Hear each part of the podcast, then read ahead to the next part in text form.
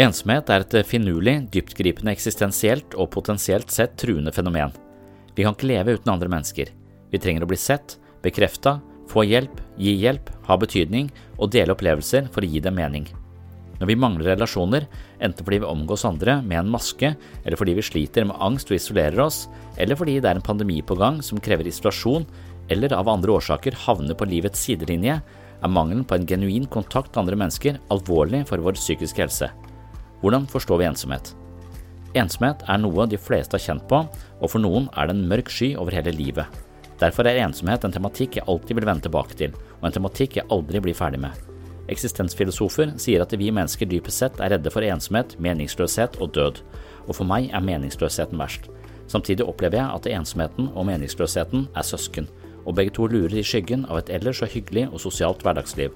Hør mer om dette i episode 224 på podkasten Sinnsyn.